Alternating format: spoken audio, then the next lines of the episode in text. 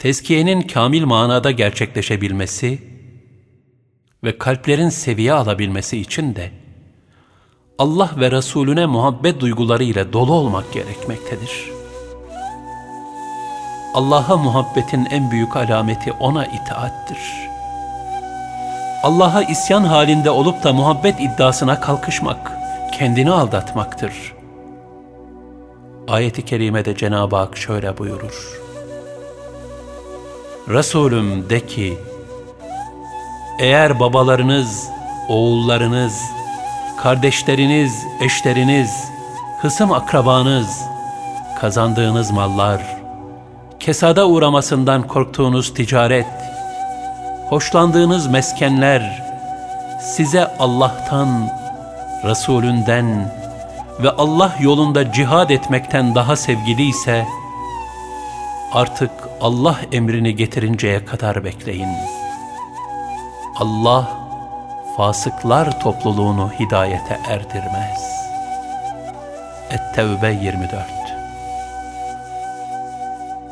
Bunun için Allah ve Resulüne ait kutsi muhabbetimizi her şeyin üstünde tutmalı ve son nefesimize kadar bunu devam ettirme vecdi içinde olmalıyız. Gönüllerin Allah ve Resulüne muhabbette seviye alması, ibadet ve amellerin ifasında kendini gösterir. Öyle ki dünyevi sevdalara takılı, ilahi muhabbetten uzak bir gönlün yaptığı kullukla, aşkı ilahi ile dolu bir gönlün yaptığı kulluk arasında müthiş bir seviye farkı vardır. Zira Allah ve Resulüne hakiki muhabbetle bağlanan bir müminin hal ve tavırları, beşeri münasebetleri, ibadet ve kulluk hayatı seviye kazanır.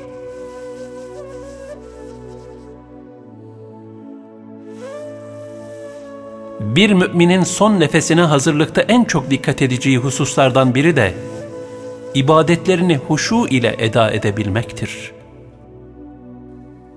Ayet-i kerimede Cenab-ı Hak kurtuluşa eren müminlerin vasıflarını sayarken Gerçekten müminler felaha ermiştir. Onlar ki namazlarında huşu içindedirler. El-Mü'minun 1-2 buyurur. Bunun zıttına namazlarını gafil bir şekilde kılanlar hakkında da yazıklar olsun o namaz kılanlara ki onlar namazlarını ciddiye almazlar.''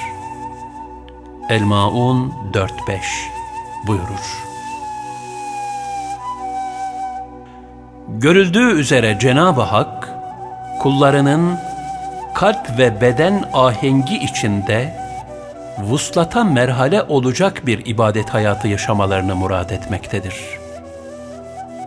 Bu muradı ilahi de hiç şüphesiz sadece namaz ibadetine mahsus olmayıp oruç, hac infak gibi bütün ibadetlerin zeminini teşkil etmektedir.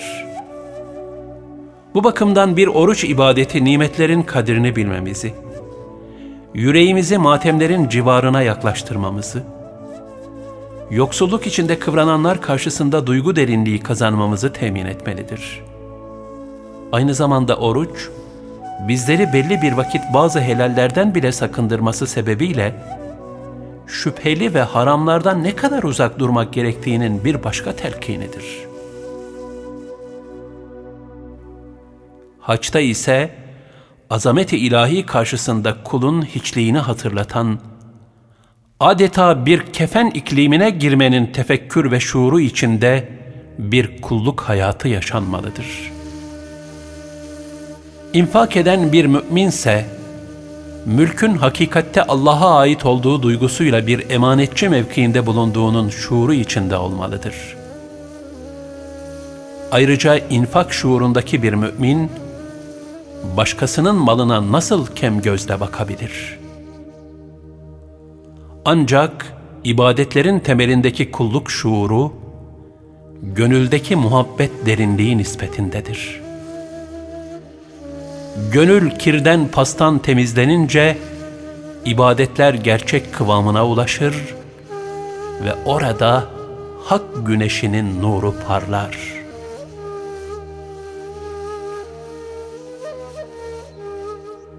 İbadetlerin huşu ile nasıl eda edilebileceğini en güzel bir şekilde yine Peygamber Efendimiz sallallahu aleyhi ve sellemin ve ashab-ı kiramın örnek hayatında müşahede etmekteyiz. Hayatının hiçbir safhasını ahiret gerçeğinden ayrı mütalaa etmeyen Allah Resulü sallallahu aleyhi ve sellem, ibadetlerde de son nefesteki haleti ruhiyeye bürünmenin lüzumuna dikkat çekmişlerdir. Nitekim bir sahabi Resulullah sallallahu aleyhi ve selleme geldi ve ''Ya Resulallah, bana öğüt ver ancak kısa ve öz olsun.'' dedi. Bunun üzerine Efendimiz sallallahu aleyhi ve sellem namazını hayata veda eden bir kimsenin namazı gibi kıl. Özür dilemen gereken bir sözü söyleme. İnsanların elindekilerden ümidini kes buyurdular.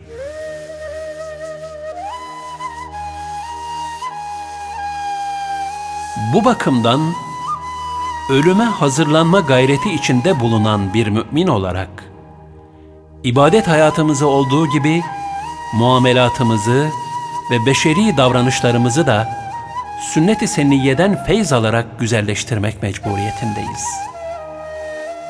Elinden dilinden ümmetin istifade ettiği bir kul olmalı. Kendimiz için istediğimiz bir şeyi mümin kardeşimiz için de isteyebilme diğergamlığına kavuşabilmeliyiz.'' Neticede ise Allah Resulü sallallahu aleyhi ve selleme duyduğumuz muhabbet, gönlümüzden bütün mahlukatı kuşatacak derecede taşarak, onlara hakkın nazarıyla bakabilmemize medar olmalıdır.